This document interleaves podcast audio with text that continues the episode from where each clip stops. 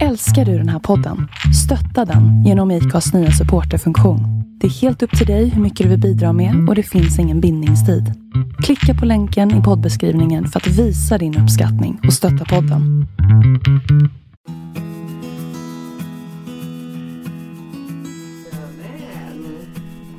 Dags igen. Dags igen! Ja men verkligen dags igen tycker jag i alla fall. Hej allihopa! Hej Jonas! Hej Kerstin. Och, och det var så roligt för min man kom på men vi presenterar oss aldrig. Vi utgår bara ifrån att, att ni vet vem vi är. Och Jonas tittar på mig sådär nu. Vad menar du Kerstin? Ja, det, alltså för de som är läskunniga så står så står, det står, eh, Nu ska vi inte göra idioter av människor. Men, men om ni inte vet det så heter jag Jonas. Ja, och det är jag som är Kerstin såklart.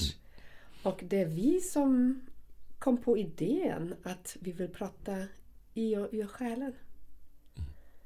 Eller det är ju många som har den idén. Men vi, vi kände det var dags att, ehm, att avsätta tid. Att avsätta väldigt tydlig tid i att ehm, samtala en timme ostörd med varann. För att se vad som vill växa fram. För att mötas. För att speglas. Och för att dela med oss av det vad vi är och vet och kan. Helt ovetenskaplig kanske. Eller väldigt mycket vetenskaplig. We don't know. Eller hur? Mm, Så är det. Eh, hur mår din själ idag Kerstin? Ja, min själ idag mår väldigt fint. Det är ju, vi ska åka till landet. Och eh, ni vet, menar naturen. Ja. Och det är sol. Så det är eh, en förväntansfull själ som sitter här och ska pod podda. Blogga brukar jag säga. Jag ska podda. Spe prata med Jonas vill jag göra. Jag vill ju prata med Jonas. Hur mår din själ idag Jonas?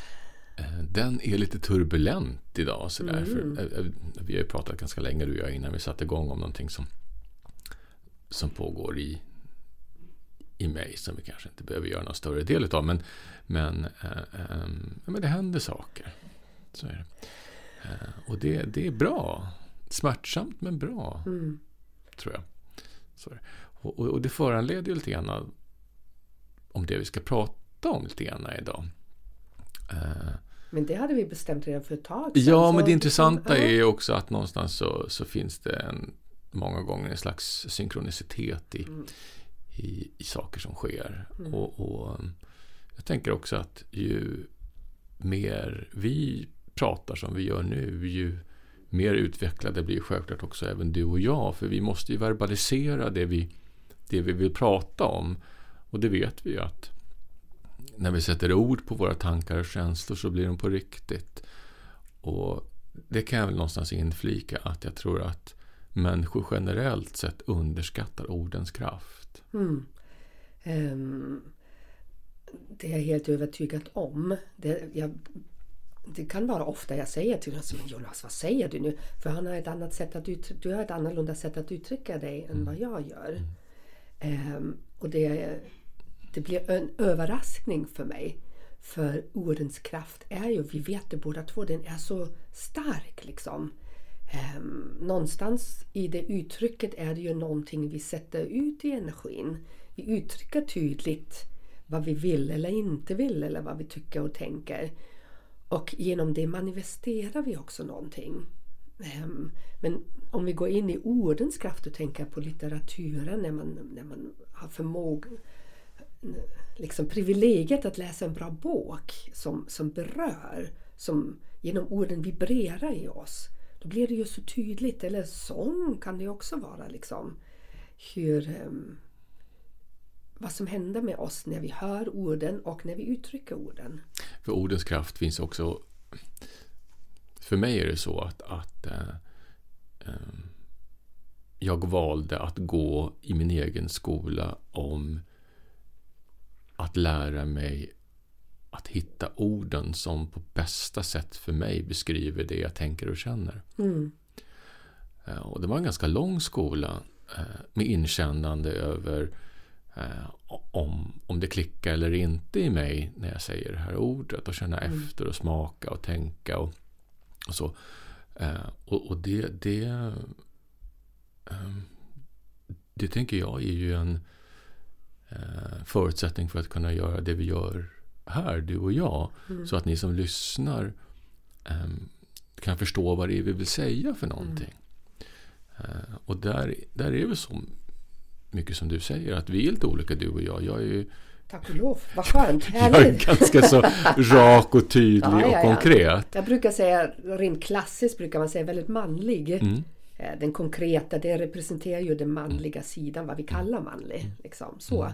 Mm. Mycket rakare, jag är lite mer, jag är också rak men, men lite mer så Ja, men alltså rakhet med en, med en förtanke och en eftertanke. För att, att om, om, om du ska berätta vad du, vad du tänker, känner och behöver då, då måste du först ta reda på det och hitta ett sätt eller ord, ett sätt att kommunicera på som andra kan förstå, relatera till och ta emot. Mm.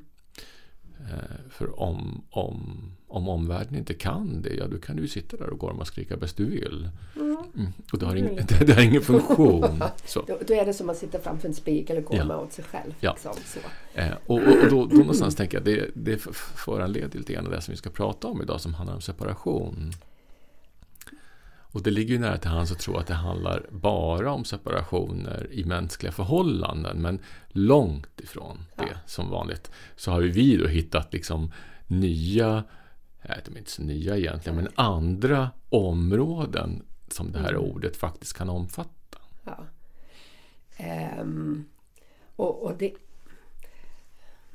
det är ju sådär när vi som människor liksom Det finns ju olika separationer i relationer.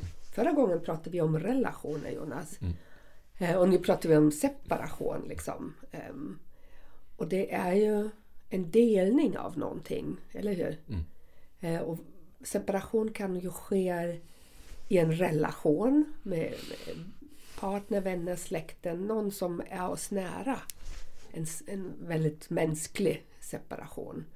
Eh, Men jag är såklart mycket mer intresserad i den andra separationen som jag tycker blir, hoppas jag att vi fördjupar oss in idag. Det gör vi gärna. Men, men kan vi avhandla och gärna så effektivt som möjligt den här, den här separationen som handlar om mänskliga relationer. För den finns ju där, det är elefanten i rummet. Så, så vi kan väl prata om den tycker Ja, jag. absolut. Ja. Och, och Ja. att, att det behöver vi inte göra för er skull som lyssnar utan jag tycker vi kan göra det för vår skull också. Ja. Så vad är det att separera? Vad är en separation?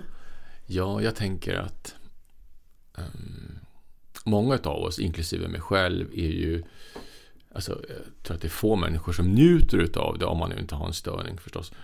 Eh, men att, att separera, det, det, det är självklart smärtsamt för de flesta utav oss, eller borde vara smärtsamt för de För det är flesta. att skilja sig från någonting, eller? Ja, och varför är det så svårt? Och det kan ju vara mer eller mindre svårt för olika människor, men jag kan väl lugnt säga utan att, att hymla med det, att för mig är det särskilt svårt. Så, jag har väldigt svårt för just separationer. Det, det är min ömma punkt i livet, en av, av flera säkert. Ehm, Det är jättesvårt för mig. Men är inte det en del i att vara mänskligt? Att man tycker att det är svårt? Ja, men självklart. Och såklart, men, det finns ju olika grader Ja, av helvete. Ja, det är grader i Så är det helvete. Ja, precis. Ja. Och, och, och alltså, eh, för mig är det svårt. Det, det är rejält svårt. Eh, eh, och jag menar, om man nu ska gå till grundkärnan i det här så, så tänker jag att det handlar ju faktiskt, tror jag, i grunden om eh, när vi föds, när vi klipper navelsträngen, den separationen som, som sker där. För det är det någonstans som tror jag är, är alltså fröet till ehm, svårigheten att separera. Ja. Eh, Och sen är det förstås olika då i hur, hur eh, det här fröet gror. Och då pratar vi om barndomen då. Mm. Eh, Hur vi... ehm, vilken miljö vi får i våran barndom. Att kunna läka den första Ja, separationen eller, kanske. eller om, det, om det blir rimlig eller orimlig. Ja, ja. Eller, eller icke existerande av olika orsaker. Då. Mm. för separationer är vi med om alla, så är det ju. Ja. Eh, Även om det handlar om död eller separationer, relationer. Så, Mm. så ehm, Men jag tror att det mänskliga, det första, den största, om Mm. vi tänker efter, det är ju när man kommer ur mammas Just vagina Ja. och navelsträngen klipps. Så. Och sen har vi då den här andra delen utav det här med, med eh, ehm, det rent fundamentala i svårigheten eller traumatan med att separera. Och det handlar ju om eh, när vi som barn eh, någonstans på en, på en, på en urcellsnivå inser att eh, eh, om, om, om jag blir lämnad eller övergiven handlar det om. Det är fa- det var övergivenhet. Om jag blir övergiven här, då överlever inte jag. Då dör jag. Mm. Eh, och det är också det här, tror jag, som undermedvetet triggar i våra separationer. Att eh, vi som har extra svårt eh, i separationer, jag tror att det handlar delvis om just det här att om ehm, jag blir lämnad eller om jag överger eller blir övergiven. För det, det här är faktiskt två olika saker egentligen. Mm. Att bli övergiven är mycket mer fruktansvärt Mm. än att lämna eller bli lämnad. För det är ändå någonstans självvalt. Men att överge eller bli övergiven, Övergiven, ja. det är mycket mer fundamentalt. Är som, mycket ja, fundamentalt. som då härleder till det här som jag pratar om i våran barndom. Att Mm. som sagt att om vi blir övergivna av våra föräldrar så dör vi. Mm. Eh, Det, det verkar finnas i, i urinstinkten i oss. Liksom. Ja, just. Mm. Eh, Och sen då självklart då, som jag sa utifrån våra barndomsupplevelser då, då hur pass trygga vi har fått vara vår barndom så är ju den här rädslan för övergivenhet mer eller mindre ehm, gällande i oss som vuxna. Att den har en Mm. mer eller mindre aktiv roll. Mm. Eh, Och för mig tror jag att den har en, fortfarande tyvärr en aktiv roll. För det är ett av de såren i mig som inte är eh, läkt. Vet jag. jag vet inte ens om den kan läka. Utan eh, Vissa saker i våran barndom får vi bara vad man kallar för gilla läget med. Mm. Allt kan vi tror jag inte läka utan man får gå runt stenen. Man kan inte stå och banka huvudet i stenen för man blir blöd, väldigt blodig till slut. Så. Jag, jag tror ibland, ibland får man acceptera någonting. Ja. Och acceptanser kan vi prata en annan Ja, gång om. ja. Liksom.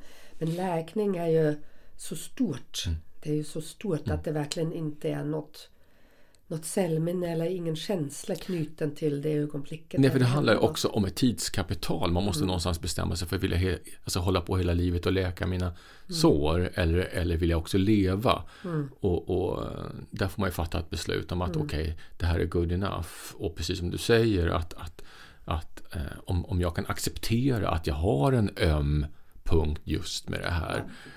Det är inte alltid att det blir så himla mycket bättre men, men, Jag, men jag tror att läkningen sker, om jag avbryter dig jag är helt övertygad om i längden sker läkningen när vi ser det här är vår öm punkt.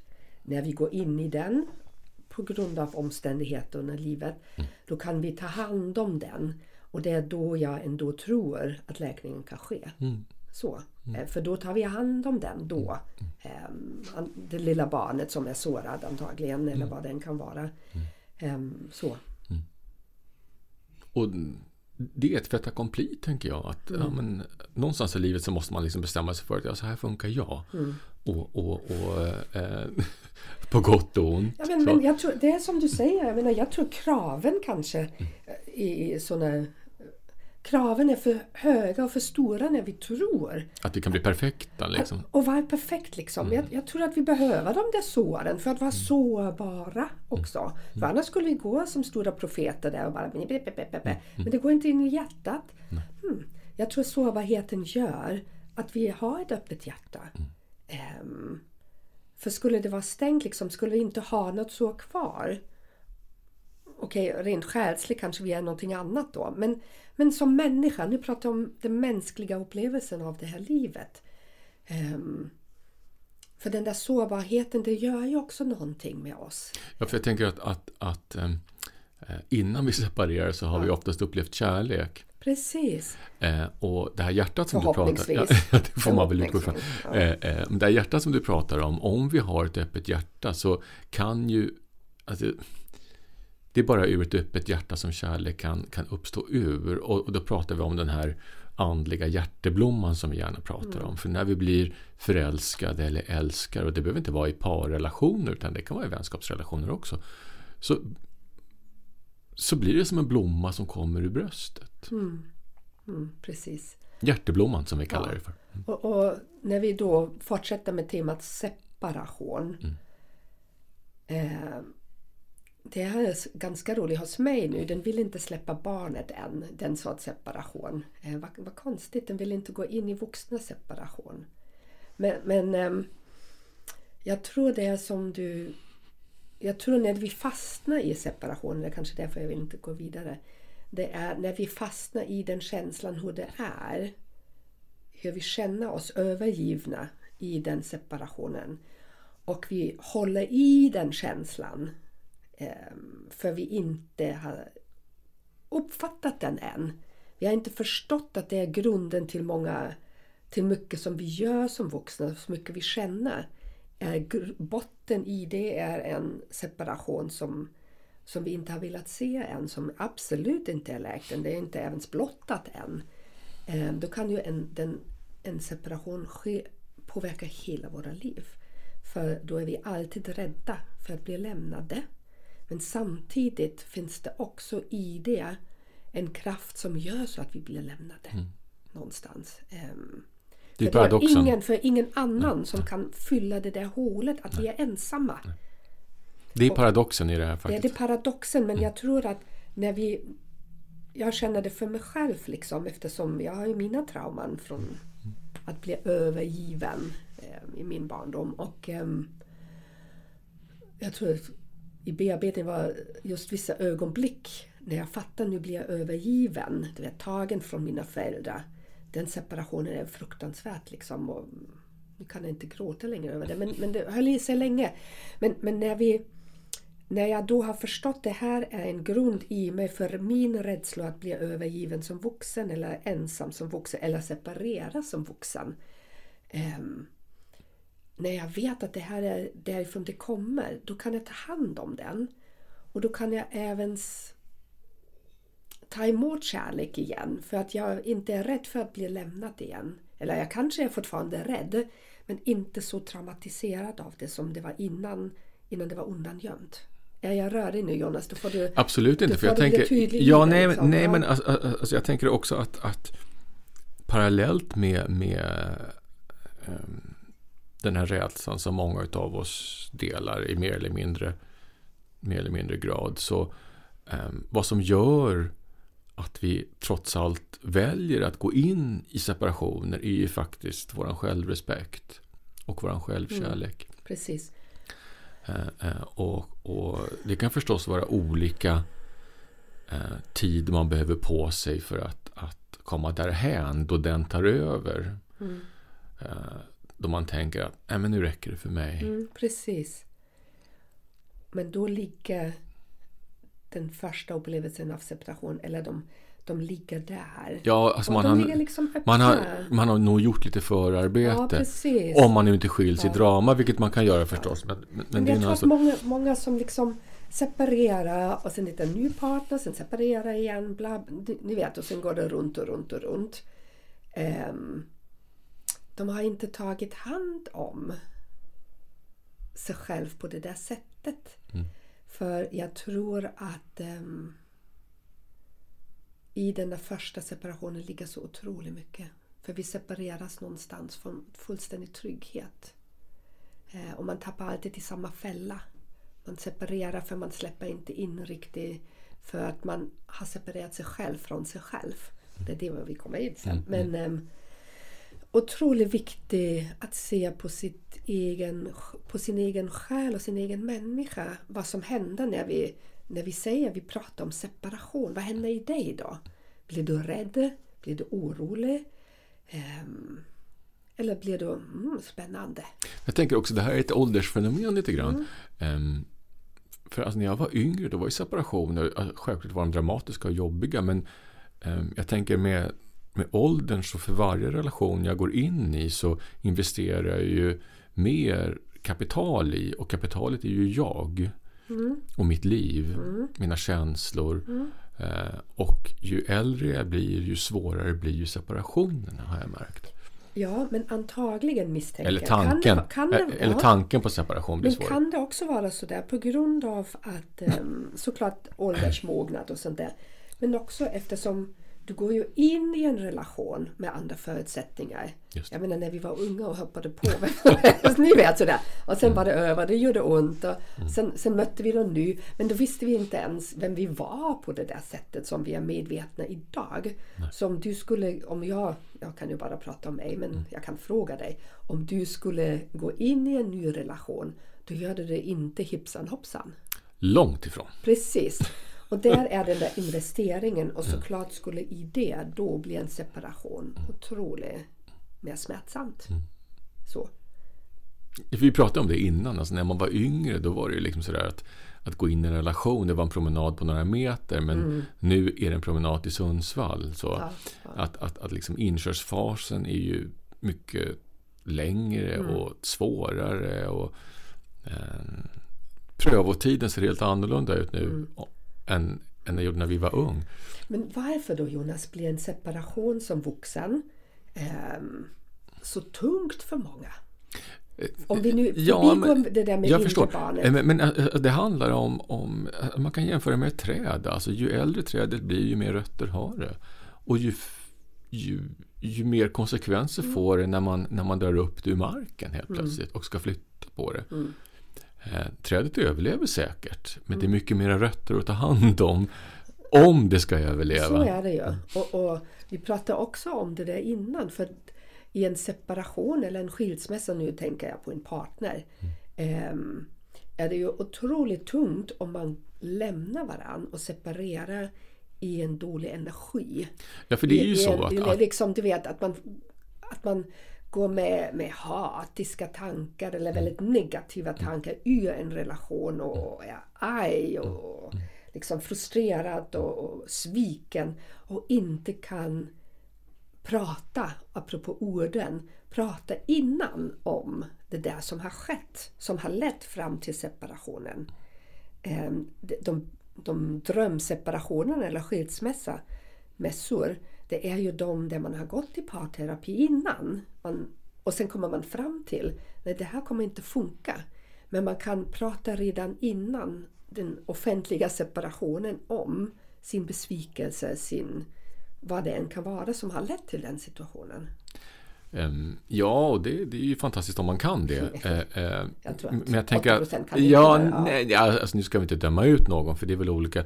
Men, men jag tänker att, att ehm, oftast så separerar man ju av en orsak. Ja, absolut. Och orsaken brukar ju handla om som regel att man känner sig sviken eller förrådd eller man kanske har varit otrogen, vilket det här är. Eh, alltså det kanske innefattar att, att man inser efter x antal barn att, att ens ehm, liv med den här mannen eller kvinnan som man då lever med eh, inte ser ut som man skulle önska och så vidare. Då. Och, och då är det väldigt många känslor som eh, finns säkert i båda eller i en som föranleder att man då väljer att separera. Och det kan, eh, alltså, eh, ehm, det kan ju vara mer eller mindre dramatiskt men jag tänker många gånger så är det ju ganska dramatiskt. Och, och alltså jag kan väl tänka att, att det är väl mer onaturligt att man är kompisar efter en separation än att man är kompisar efter en separation. Men, men det finns ju också det här, alltså jag tänker på en god vän till mig som, som jobbar inom rättsväsendet och, och hon säger att det finns två stycken situationer då de mest sunda människor jag vet blir fullständigt galna. Och det är vid separation, alltså skilsmässor och, och i arvstvister. Ja, Och båda är ju separationer egentligen faktiskt. ja, Alltså. ja. Så, det. ehm, och, och det är ju ganska intressant varför det blir så. Varför man inte kan göra som du, du pratar om. Att man någonstans kan ehm, kan ha en så sund dialog man kan. Det är såklart det är väldigt mycket besvikelse och annat obearbetat som kommer fram säkert. Eh, och som sagt, jag dömer ingen där det blir en skitskilsmässa. Nej, för jag tänker liksom men, men det, det, det, det så, finns det en... blir eh, rent som utomstående som den här känslan att, att man kanske har man har älskat, man har hittat vad man har, man har spenderat 10 år med varandra eller längre, 20-30 år liksom. Man har pippat, man har skaffat barn, hus, allt det där. Man har haft roligt också. Och sen plötsligt börjar man liksom smutskasta. Då tänker jag, fan, du vet så det, det är så, det är så konstigt. Jag, jag vet ju mänskligt att det är möjligt. Men det är också samtidigt så konstigt. Mm. Sorgligt är det. Ja, och alltså, jag tänker också att, att eh, det är väl också rimligt att att om din partner smutskastar dig så har man behovet av att försvara sig. Ja, såklart. Går man, absolut. Så, äh, vi går inte in i det där i, i, den där geggan nu av, av skilsmässa utan vi ska ju prata om grunden. Mm. Va, vad är separation egentligen? Mm. Liksom, separation från våra barn exempelvis. Mm. Där kan jag ju berätta liksom att nu hoppas jag inte mina döttrar lyssnar. men, men innan vi går ja. vidare till, till alltså, kan vi inte bara runda av det där med tvåsamhetens... Okay, då, alltså någonstans... men vänta. We close the tvåsamhet. Ja, men ja. Alltså, kan jag bara få alltså, Jag känner att, att innan vi lämnar det så tycker jag att det finns ett stort frågetecken som jag behöver sluta ihop här. Det är två kablar som okay. ska ihop. Ja. Och det är ju att när människor blir galna i en separation, vilket är mer vanligt än ovanligt kan man väl säga. Vad handlar det om, om man ska konkretisera det? Jag gissar eh, på att, att, att drömmar krasas. Man, man, man, blir, man känner sig sviken. Man går i självförsvar. Man, man drar ihop sitt hjärta. Man, man sätter upp en sköld. Liksom. Man, man, eh, man kanske vill inte se sitt eget ansvar i, i den separationen. Nu pratar vi om pajkastningsskilsmässa ehm, eh, eller separation. Men det måste vara svek och skam i att man har misslyckats. Ehm, jag tror att man har ju ofta drömt om en framtid. Det tar sig ifrån en, då måste man sörja den. Sörja att släppa taget kanske någonting som man har haft tillsammans. Liksom. Det kan ju vara gemensamma vänner, släkten som man tycker om, saker man har ägt tillsammans. Julen som man inte kommer att fira med en hel familj. Så det är mycket sorg i det. Ja, jag tror skam, sorg, You name it. Vad tror du då? Sorg. Sorg? Ja, Bara visst. sorg. Ja. Jag tror att det är um, det som gör att vi blir mer eller mindre galna. Så är det faktiskt sorgen. Mm. Uh, för ur sorgen kommer ju alla de här konstiga beteendena. Mm. Mm. När vi sörjer, precis som vi har pratat om en annan gång när vi pratade om, om, om död. Att alltså vi sörjer ju det som har varit. Mm. Vi sörjer det som är. Mm. Men framförallt sörjer vi det som aldrig kan bli. Precis. Och det hör ni, vi sörjer det som mm. har varit. Det, vi sörjer det som är. Och vi sörjer det som aldrig kommer bli. Nej. Och så, ja. Och, och, det är egentligen det som jag tror gör att, att det blir väldigt tokigt för en del. Mm. Och det blir säkert för dig och mig också, för jag menar vi är inga helgon. Eh, jag är fullt kapabel till att gå hemma och skrika och, och kanske inte slänger saker i huvudet på folk men, men eh, min sorg är också utåtagerande. Det. Mm. Men, men sorg omfattar ju också så otroligt många känslor. Ja, eller ur sorgen kan det ju komma väldigt många känslor. Och kan komma väldigt många känslor. Och då mm. har vi uppmuntrat tidigare. Eh, känn dem. Tillåta dig att känna. Um, för det där vad du sa nu Jonas, det är så väsentligt i människans liv. Att sörja det som har varit. Sörja det som är och sörja det som aldrig kommer ske. Um, nu går jag direkt vidare eftersom jag tänker då på, på min egen sjukdom. Jag behövde sörja det som har varit. Sörja den som är just nu och sörja det som jag kanske aldrig kommer uppleva. Det är i alla känslor det är så, det är så djupt i oss liksom, när vi ska ta hand om någonting, när vi ska bearbeta någonting. ja, för vi... där går ju sorgen vidare från mm. separation till en begränsning. Mm, precis. Och det är en ganska snygg övergång till nummer ja. två. För nu, nu känner jag att nu kan jag lämna det där bakom ja, mig. Skönt, ja. ja, men det, är eh, vikt, det, det var viktiga ord. Mm. Ja. Eh, för det här med, med begränsning handlar ju som jag tycker är väldigt intressant. För om vi ska då ska gå in i en annan typ av, område på separation så, så handlar ju det om separationen från oss själva. Mm. Som för många av oss mer eller mindre är ständigt pågående. Ständigt. pratar vi nu om människa eller själen Jonas? Det är just ja. den relationen jag pratar om. Ja, precis. Ja, Människan den relationen, förlåt nu Mm. hänger jag på här. Mm. Eller hänga med. Eller Mm. nu har det rasslat in mig, i mig liksom. Ja. Ibland glider tanken iväg till någonting annat. Mm. För det är den relationen jag tycker är riktigt intressant. är det som är egentligen det som är så intressant. Ja, om man nu översätter det till ett annat ord så är det ju medvetenhet Ja, i, olika, ja. i olika grader. Ehm, och, och där finns ju definitivt en begränsning. Ja. Eller, eller vi ger oss själv eller utsätter oss själva för en begränsning, så kan vi säga. Ja. Ehm, och nu är det egentligen så otroligt stort tema tycker jag. För jag, när vi, när vi liksom diskuterar Jonas och jag om, fast, eller vi diskuterar inte utan vi, vi, det poppar upp liksom saker som vi vill prata om.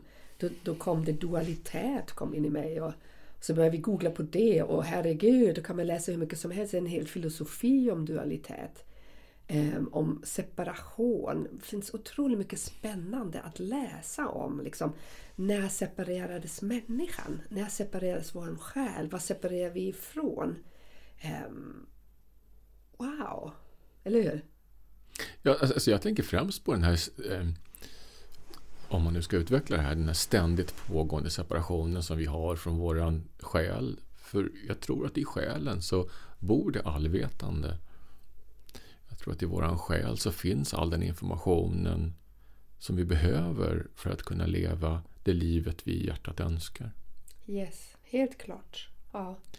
Och, och det är den separationen som är intressant för den, eh, den finns ju inte när vi föds. Men med livet så utvecklas den Mm. i, olika, i olika grader. Ja. Och, och, och det finns en del människor som har några centimeter ifrån eller är faktiskt länkad med sin själ. Eller så finns det de som har mil.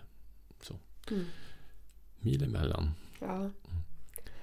Eh, Och, alltså jag lägger ingen värdering i det, men jag tänker att, att eh, valet utav det som vuxen, för där har vi ett val, Mm.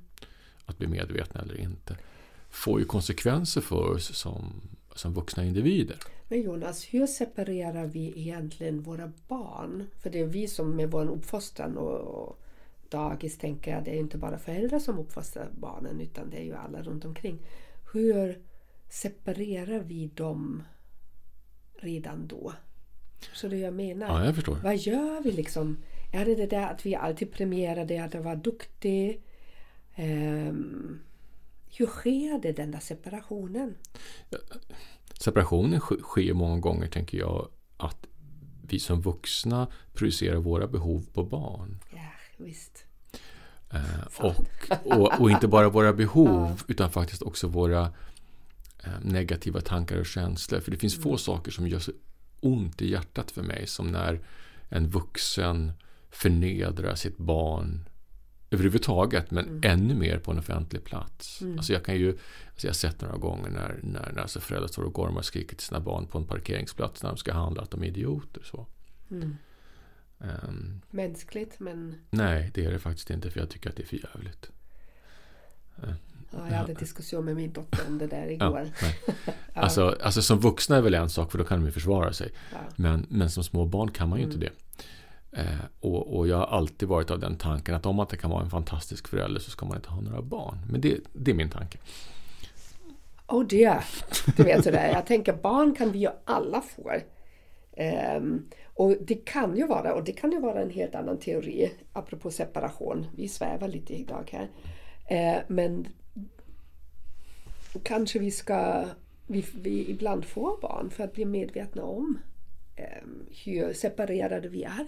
Ja, men det är inte barnens uppgift. Ännu en gång. så- Alltså, alltså, nej, alltså, jag är tvärkategorisk där. Men, men det kan inte jag göra någonting åt. ut- Utan det är bara min, min, min bestämda åsikt. Så. Eh, Men där tror jag att det sker. Att, att, att eh, när föräldrar eller andra vuxna för den delen i omgivningen när vi växer upp ehm, inte ser, inte bekräftar, inte älskar på det sättet som barnet behöver. Eh, inte sätter barnet i relation till till det stimula som den faktiskt egentligen behöver. Och då tänker jag på eh, musik, jag tänker på konst, jag tänker på lek, eh, jag tänker på fantasi. Mm. Eh, om, om eh, vuxna inte ger barnet det här, det är där tror jag fraktionen sker, eller splittringen Mm. mellan våran Mm. själ Mm. och, och vårt mänskliga jag Mm. blir eller uppstår. Mm. Och i det ligger ju självkänslan. Någonstans. Ja, eller, eller självförtroendet tänker jag. Självkänslan kan finnas, eh, för självkänslan kan komma ur de praktiska saker vi gör. Eh, Men... Va? Nej, eh, förlåt mig. Självförtroendet kan Ja. komma ur, de praktiska sakerna. Ja, men, det är det vi får bekräftelse. ja. Ja. Ja. Jag blandar ihop orden. Självkänslan, ja. Ja, Just det. precis. Självkänslan Ehm, kommer, eller fallerar självklart ur det. Ja, ja jag förstår det. Så. Och det är ju... Jag blandar ihop de här två orden ibland, Ja, självförtroende ja, och ja, ja, självkänsla. men, men då finns ju jag här och säger men Jonas, hello, hello! Och sen skojar vi om det Ja. där, för vem gör inte det där, att blanda ihop ja, grejer. För det, Ehm. det är två olika fenomen. Ja, är och, och vi vet ju det. Mm. Så ni som lyssnar, ni vet vad själv, självkänsla är. Förlåt om jag rör till det. Oj, oj, oj, oj vad, vad var hemskt nu. Självkänsla, ja. Det handlar om att där uppstår självklart en, en, en Och där kommer det splittringen i att barnen inte blir sedda för det vad det är Mm. och stöttet och, och hållen i att fortsätta utvecklas på den resan. Så- Mm. Ja, för alltså jag tänker att, att liksom när, när barn kommer till oss på olika sätt så kan man ju antingen tänka som vuxen att Jaha, vem är du? Ja. Eller så kan man tänka Jaha, vad ska du bli? Mm. Och det är där jag tror Oh. Ja, lite så. Oh, vänta, vänta, vänta. Det här borde man skicka till, in till regeringen, eller hur? Jaha, vem är du? Eller vad ska du bli? Mm. Eller både och. Eller det egentligen. Ja. Tänk på vidden av det. Mm. Tänk på vidden av de där orden. Herregud vad du kläcka fram idag. härligt! Ja, ja, ja, härligt att um, det, kommer så stor, det är så stora visdomar. Och när man hör dem, och de, eller när jag hör dem, de vibrerar i mig. Då är de också så sanna. Ehm, så. Men det finns hopp. För, som, Det för finns som- terapeuter och det finns hopp. Nej, liksom. men alltså, Och- och- ja, eller alltså, jag tror faktiskt att den, den största terapeuten i våra liv till att återskapa relationen till vår själ, det är våra behov. Vänta, oh, nu måste jag, oh, nu måste det här. Ja, är det våra behov? Det, ja, ja, vänta, det stämmer. Våra behov och vår längtan, eller? Mm. Våra behov och vår längtan. Mm. Ja. Eh, om vi vågar se dem Mm. och om vi vågar ta i dem eh, så finns det alla förutsättningar att, att återskapa relationen till vår själ igen. ja, det är jag. Det vet vi. Vi som sitter här, vi vet det. Och många andra också. Mm. Ja, för, för alltså, det är ju ganska trist att ha distansrelation till sig själv. Ja. Det är illa nog att ha det till en annan människa, men att att ha det till sig själv, det, Men, men och, och här kommer det ju in, jag, jag kommer ihåg att när, när jag blickar tillbaka på mitt liv, mitt gamla, gamla, långa liv, eh, då är det så där att eh, när jag mådde som sämst, då hade jag ingen kontakt med min egen själ. Då, då hade jag ingen kontakt med vad jag kallar då min andlighet. Jag hade ingen kontakt med min intuition, med det där, ni vet, det där som, som är jag var separerad, om du kallar det så. Så för mig kom ju bara denna terapeuten som jag pratat om många gånger. Eh, som hade tillgång till det själv. Eh, det var då jag kunde börja läka. Eh, och, och under många år när jag märkte nu har jag tappat bort eh, den öppenheten till min, till min själ. Eh, Jag har inte någon kontakt till min intuition, jag bara går in i görandet. Liksom. Tänk, tänk, tänk. Jag är ganska bra på det. Ehm, men då fattas mig någonting. Ehm, då kan jag inte känna mig hel. Och den resan var ju, i början var det överhuvudtaget att upptäcka, det blev för mig, vi kände varandra redan då, men det blev otroligt omvälvande för det blev så stort och det var som en liksom, vulkan som öppnade sig. Eh, och det blev mig, blev mig lite övermäktig. Men varje gång när jag mådde dåligt då hade jag tappat bort den delen av mig och behövde plocka in det i mitt liv igen för att skapa en balans i mig. Alltså självklart så blir alltså, man blir bländad av ljuset varje gång, du vet, när man vaknar upp. Så. Och, och det här är väl lite, lite synonymt med det. För alltså själens behov, kunskap och essens, den kan vara ganska bländande, så är det ju. Ja. Eh, Men det finns solglasögon, så det, det, det, det är Ja. inte hela världen. Ja. Eh, eh, Att, och, med- alltså med solglasögon så menar jag att man tar, tar det här i den takt man, man mäktar med. Ja, och ibland behöver man bli bländad. Mm. Så är det också. Ehm, Man bli- behöver bli omskakad. Mm. Men den separation, jag tänker, det går ju längre bort. Än, för mig är det liksom... Det är ju kroppen och sen är det själen och sen är det självet som, som är föreningen. Vad är självet för någonting? Ehm, är det inte när själen är i förbindelse med kroppen tillsammans? Ja, du menar att det finns en treenighet? Att, Ja. att det är du som fysisk individ, Ja. själen som egen individ. Du vet tankeverksamhet, Mm. jag som människa liksom. Eh, den som, som planerar. Ja, Mm. tan- kropp, själ, intellekt och ande liksom. Och det tillsammans eh, blir en annan dimension. Självet. Mm. Det är där vi ofta inte kan klä saker i ord. Mm. Så. Och det som för mig är liksom the essence of the being. Som man inte kan förklara vad det är. Nej. Och då är ju frågan, hur kom det sig att det skedde en separation? För dig eller Ja, generellt? jag vänta nu, nu, nu är jag lite virrig i skallen. Vad är det som jag egentligen vill veta? Det är klassiskt att jag frågade Jonas. Såklart. Ehm, Separation har vi pratat om redan, så jag vet inte. ja, precis. ja, men den är, vi, vi har ju pratat i den mänskliga formen, liksom, i människans separation. Men det, om självet nu, tänk, har det separerat från någonting? Nej för, nej, för det är ett möte. Jag menar, om, om du nu definierar jaget som en, ett fenomen, själen som ett fenomen och jaget blir en förening av de här två. Självet, ja. Eh, vad, vad menar du? Alltså jag, jag, hänger inte, jag hänger inte med. Ja men det är bra. Nu, nu ska vi prata separation. Nu hänger vi inte med själv. Jag Antingen är Nej, jag säker att korkad, jag- vilket är fullt möjligt. Nej, nej, nej, nej, nej. Men, men för dig är det där med självet. Det är... För mig är det, en är det inte förening. dina tankar. Det är föreningen. Ja, precis. Ja. Och... Vänta nu, det här är ju lite roligt. För vad vill jag egentligen komma... Finns det inte någon separation? Och jag menar, vi kommer ju in i den fysiska separationen när vi separerar från mamman. Men finns det redan en separation när vi, när vi blir till? Mm, det tror jag. Precis den separationen vill jag komma åt. Ehm, Då var den lite tydligare. Okej, tack. ja, alltså, alltså är, Ordens kraft. Ja, jag förstår. Alltså, alltså separationen som man pratar om där, det är väl kanske inte så mycket en separation, utan jag tror att det handlar mer om en, om en, om en blockering. Eh, som vi som själ väljer att ha.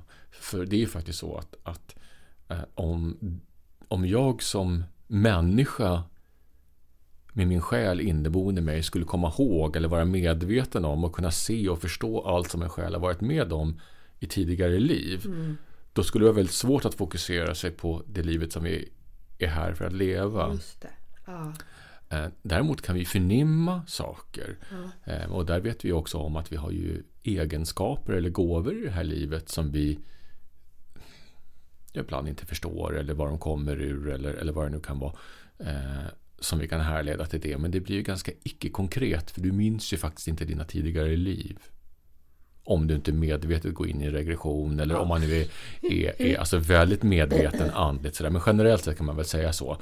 Att, att det är ju någonstans en del i eh, händelsens eh, ska säga, logik i att när vi, när vi föds i en kropp så kan vi faktiskt inte ha tillgång till hela vår historia som själ. För det skulle faktiskt inte fungera. Nej. Och då är det som du ser det, en blocker, man blockerar Ja. någonting. Eller man, man lägger en Censurera, hydda på någonting. censurera kanske man kan säga. Ja, alltså, ja. alltså jag tror inte att det är gjort utifrån att man någonstans berövar sig själv från någonting. Och, och jag, jag, alltså, jag tror inte att vi gör det som skäl utifrån att, att vi någonstans inte vill minnas eller tillgodogöra oss det vi har varit med om. Utan jag tror att det handlar om att vi ska inte göra det. Det här är också viktigt.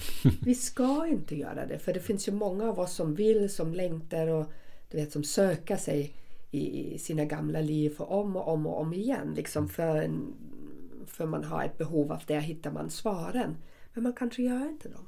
Nej, för, jag tänker att det här är lite synonymt om man nu ska gå från makrokosmos till mikrokosmos med våra relationer som vi pratade om i den första delen. Att det blir väldigt svårt för en relation att överleva och någonstans blomstra om man ständigt tänker på de relationerna man har levt i. Att man lever i det förflutna. Åh, vad jobbigt det skulle vara. Ja, men det går ju inte. Nej. Nej. Och det här är så väl det är lite... egentligen skydd. Ja, men det, Det är ett skydd liksom. Ja, det kan man väl Ja. säga att, att, att liksom det, är, ju- det är en rimlighet i Ja. att, att liksom, eh, om det som är här och nu ska kunna få en chans Mm. Okej. eh, och om vi ska kunna utvecklas framåt så kan man ju inte stå med, med en fot i det förflutna. Det funkar ju liksom Men då är det ingen separation i alla fall. Eh, nej, jag Utan tror, det- inte att, nej, nej alltså jag tror inte att det är en separation. Jag tror att det är i allra högsta grad att vi föds ner med en själ i våran kropp. Men när vi föds så antingen vid födslotillfället efter en, eh, eh, eller efter en stund när vi föds eller lite innan så, så, så, eh, så någonstans så, så stängs biografen ner över den filmen som vi har haft innan.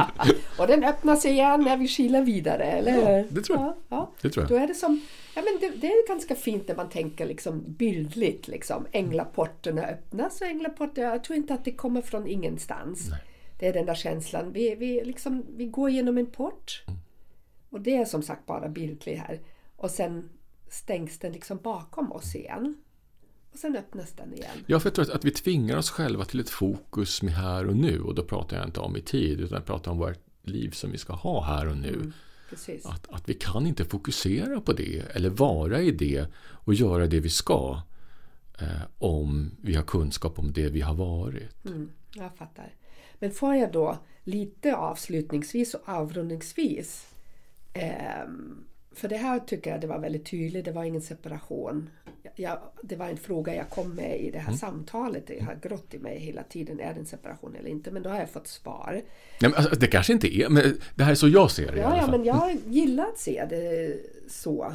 Sen kan man ju gå... Och allt blir ju väldigt spekulativt liksom när vi går in i det. Eh, men då, jag vill egentligen lyfta upp det där, är en separation alltid smärtsamt?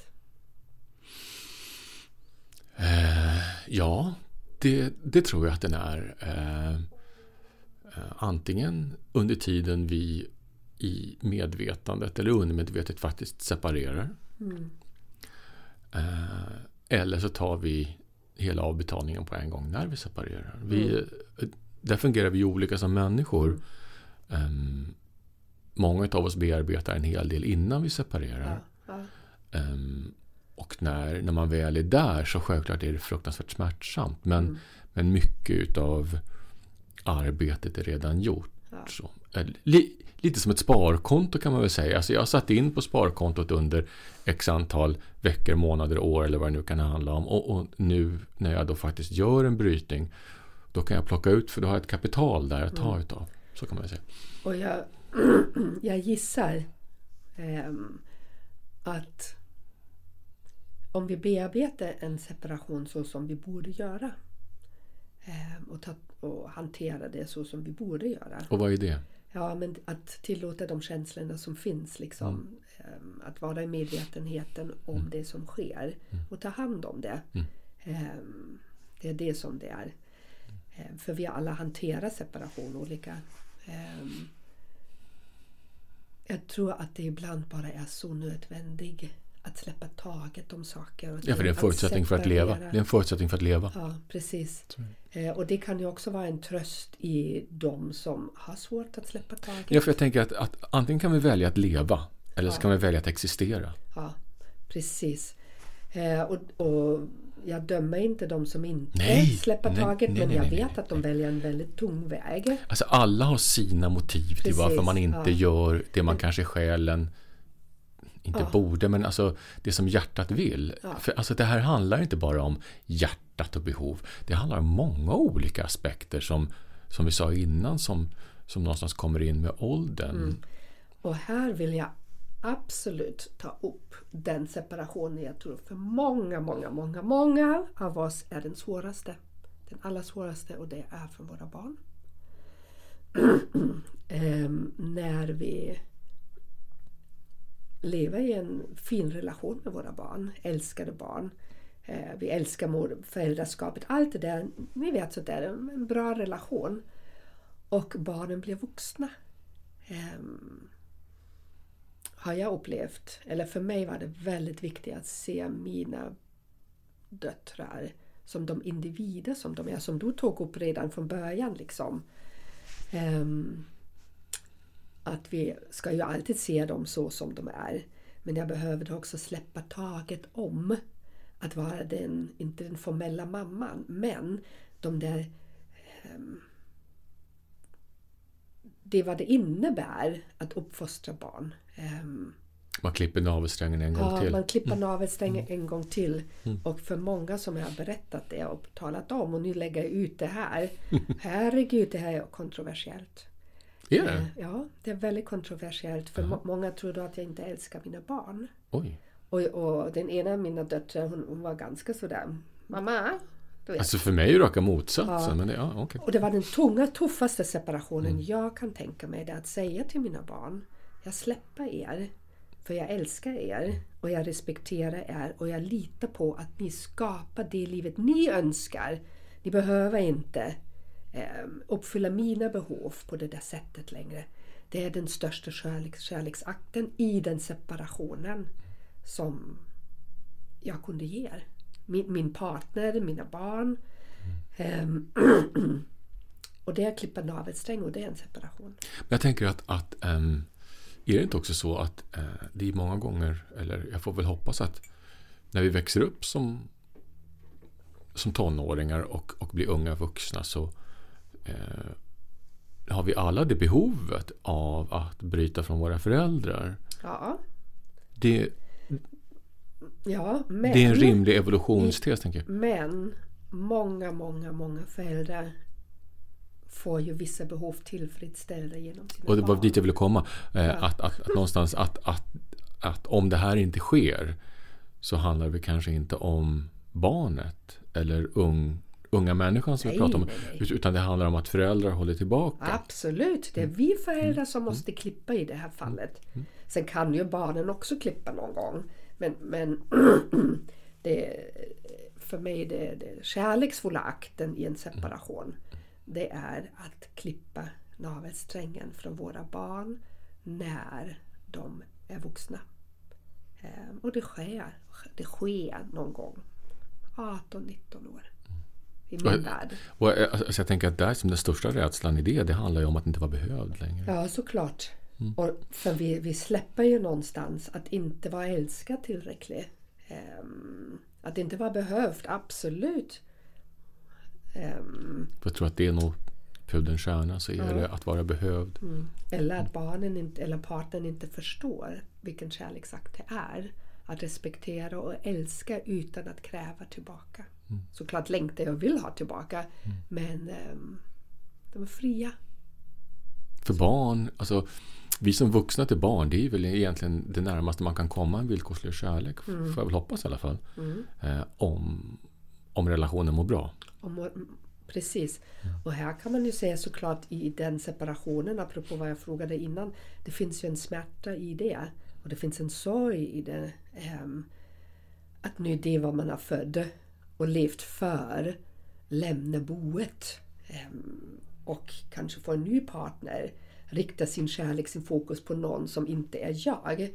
Eh, när man har älskat föräldraskap, det är en jättesorglig process. Herregud, jag vet inte hur länge jag gick i den sorgen. Mm. Men länge. Så apropå separation, den sker ju liksom... Det kan ske, separation sker när föräldrar dör. Eller någon anhörig. Ja, alltså jag tänker... Jag har inte ens pratat om nej, det. Nej, men alltså, alltså, jag tycker att det är en ganska intressant grej. För, alltså, för mig var det så att um, det var självklart oerhört jobbigt när mina föräldrar dog. Men för mig egentligen var en större sorg och separation hände när jag såg att de blev gamla. Ja, ja. Från att vara mamma och pappa, som jag alltid minns dem, ja. till att se att de blev gamla. Och nu börjar du bli nästan förälder till dem? Nej, alltså in, inte ens så långt. Utan Nej. jag såg någonstans att, att någonstans blev det en brytning från att vara mamma och pappa som en vuxen Mm. människa Ja. till att bli en gammal människa. Och det kan ju ske förstås olika beroende Mm. på. Eh, och det var egentligen en större sorg för mig Mm. eh, när jag såg att den förändringen kom in än, än när de dog. För den var mer konkret. Mm. Den här är mycket mer subtil. Ja. Eh, och, Och det är separation från olika, som vi är det. säger, det finns olika tidsålder. Liksom. Det är Så är det. barndom, ungdom, ungvuxen, Mm. mogenvuxen. Ja, ni vet. Så jag menar, alltså barn och föräldrarelationer, det finns ju Mm. separation på båda håll. Ja, visst. Inte bara när föräldrar dör, utan det finns faktiskt också Mm. en separation i när föräldrar åldras och blir äldre. går in i ett nytt livsskede. Mm. Eller hur? Ja, absolut. Och, och det är egentligen när man beskådar det och när man är medveten om det. Tycker jag om denna sorg. Jag älskar ju ibland sorg. Det är jättekonstigt. Varför då? Jag vet inte. Det är... Det är en sån där mjuk... För mig, jag menar sorg... Jag vet inte, vi pratade om sorg, hur det kan kännas och upplevas. Men en viss sorg i mig kan vara sådär nästan som en fjäderkudde. Nej, alltså Kerstin, nu är det dags för dig att boka några terapitimmar. Nej men jag tycker ju Nej, om jag skojar bara. känslor Jonas. Skojade bara. Eh, jag, jag tycker om känslor och sorg är en, en... Det finns en vemod i det. Det finns en rikedom i den känslan när jag går in i den. Så jag har ingenting... Jag menar såklart det är ju tungt. Men jag har ingenting emot den. Jag kämpar inte emot den. Jag kan omfamna det och kan... Jag menar att åldras, även det kan ju vara vackert.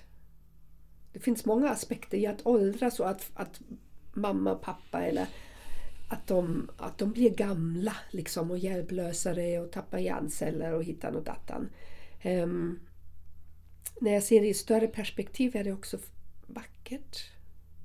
Ehm, så en sorg för mig är väldigt rikt att känna. Så det kan finnas en förtvivlad sorg, den är inte rik alls liksom, den är bara förtvivlad. Men ehm, ja, även separationen från mina barn. När jag insåg i sorgen vad det egentligen jag höll på med. Eh, vilken gåva det var. Då blev sorgen liksom vackert. Förstår du hur jag tänker? Jag förstår. Ä- ä- Alltså, alltså jag sätter ihop det här du pratar om med våra årstider som vi har. Ja, precis. Då är vi där igen. Antingen så kan vi då ta hela livet som en årscykel. Eller så kan vi ta varje år som en ny möjlighet. Ja, precis. Eh, och då, det är vad vi är. Vi, vi omfamnar ju. Eh, även som det är en smärta, även som det är en smärtsam separation. Eh, för någonstans betyder det ju ett avslut. Och i alla avslut finns det någonting nytt. Ja, jag tänker också att det finns en vila och det finns eh, ny möjlighet och så finns det blomstring och sen så finns det vägen Precis. emot vila. Ehm, och, och, alltså jag tycker att den är... Alltså, jag har många gånger tänkt så här, ska jag leva i det här landet? För jag hatar kyla, det är det värsta jag vet. Jag tycker- Det är ont i min hud, kyla, och jag hatar vintern. Mörkret skiter jag i, men det är kylan som är värst för mig. Rent fysiskt så. Men jag kan också se att årstiderna i det här landet hjälper mig. De hjälper mig att, att någonstans um, vara som en krycka i nya möjligheter till våren. Ehm, som en krycka när, när, när sommaren kommer att blomstra och så vidare. Och så vidare. Och också vintern då inser jag också att det är ju en möjlighet till vila. Så varje separation är ett avslut och en möjlighet till nytt. Mm. Och det är aldrig bara ett avslut. Eller hur? Nej, för jag, alltså jag tänker att, att liksom, det är väl orimligt att, att man skaffar sig en ny partner varje vår, för det blir ganska stökigt. Men, men, men jag, tänker, med. jag tänker relationen till oss Oh. själva främst. Eh, där kan man ju applicera årstiderna eh, på hur, hur vi väljer att, att vara eller inte vara. Och, i, och när vi blir medvetna om separationen till oss, i oss själva då. Eh, vi ska avsluta nu, avrunda. Men när, när vi när, när jag tänker på den separationen från då mitt, nu tänker jag bara på själen och kroppen. Då blir det ännu viktigare att, eh, att vara uppmärksam. Vad jag lägger min energi på när det blir en separation för att kunna få ihop det igen. Det är ju så det är liksom. Mm. Um, för det finns ju tider där vi bara tänker såklart och producerar. Och det är ofta där man, man, man saknar någonting. Jag saknar någonting. Det är liksom Hello friend, where are you? Och under en viss tid går det ju. Eh, och då pratar jag med mig själv, men nu är det den tiden jag ska göra det här och jag måste tänka och fokus och sådär.